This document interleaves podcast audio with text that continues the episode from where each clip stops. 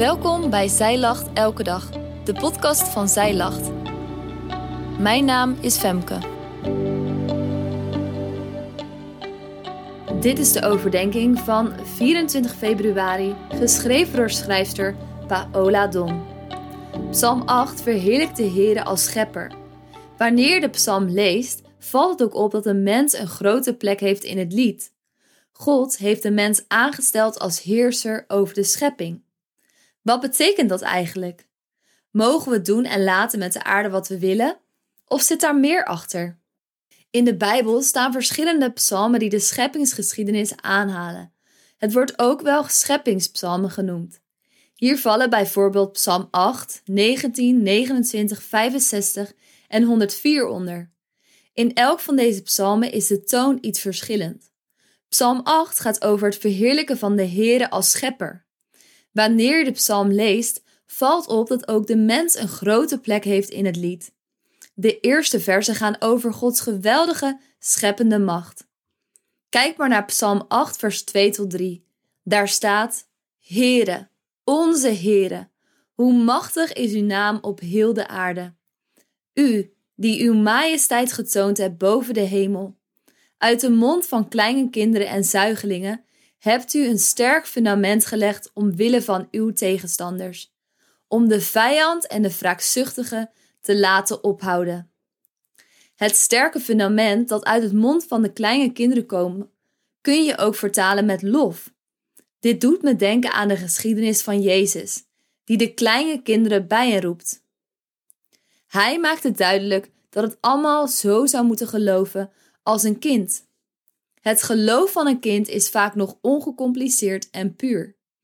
Wanneer je een kind hoort praten over zijn liefde voor God, dan kun je er helemaal overrompeld en warm van worden. Zulke lofbetuigingen zijn daardoor ook een fundament dat helpt in de strijd tegen de vijand. Psalm 8 gaat verder met het scheppingsverhaal. God heeft met zijn vingers alles op de aarde, ook de mens, geschapen. Dat kleine kind is door hem geschapen. In vers 5 komt de gedachte naar voren dat wij mensen klein en nietig zijn. Wat is dan de sterveling? Dat u aan hem denkt en de mensenzoon dat u naar hem omziet. Maar God heeft met het grootste zorg als mooiste werk van zijn vingers de mens geschapen. Kijk maar naar Psalm 8, vers 6 tot 7. Daar staat: Toch hebt u hem weinig minder gemaakt dan de engelen, en hem met eer en glorie gekroond. U doet hem heersen over de werken van uw handen. U hebt alles onder zijn voeten gelegd. Als evenbeeld van God zijn wij geschapen. Dat zie je ook in Genesis 1, vers 26 tot 27.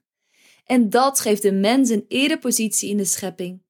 Zoals een onderkoning van de koning macht krijgt om het land te besturen, zo krijgt ook de mens van God macht om te heersen over de aarde. Maar dat heersen is niet iets in de trant van de mens mag bepalen wat hij doet met de aarde.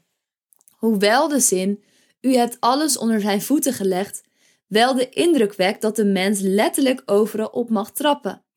De woorden heersen en onder zijn voeten hebben meer iets in zich als zorgen voor. De dingen aansturen tot welzijn van de aarde en in het besef dat er verantwoordelijkheid is voor de aarde. In Genesis 1, vers 28 krijgen de mensen deze taak. En God zegene hen. En God zei tegen hen: Wees vruchtbaar, word talrijk, vervul de aarde en onderwerp haar. En heers over de vissen van de zee, over de vogels in de lucht en over al de dieren die er over de aarde kruipen. Het woord heersen kan hier ook vertaald worden met toezicht houden of zorgen voor en beheren. Waar, wat kun jij hier nou mee? In de huidige maatschappij is veel aandacht voor klimaatverandering en de gevolgen daarvan op grote schaal. Maar of je je daar nou zorgen om maakt of niet, of je nou meedoet met het protesteren of je er bewust of onbewust buiten houdt, het is de taak van ons allemaal om te heersen, dus te zorgen voor de aarde, omdat God ons daartoe heeft aangesteld. Ook in jouw persoonlijke leven kun jij keuzes maken waarmee je goed voor de aarde zorgt. Je hoeft hierbij niet groot te denken, ook in het klein kun je ervoor zorgen. Denk bijvoorbeeld aan dat ene pannenkoekenplantje dat staat te vergaan. Bijkomend voordeel is dat bezig zijn met de natuur ook nog eens goed is voor je eigen lichamelijke en mentale gezondheid.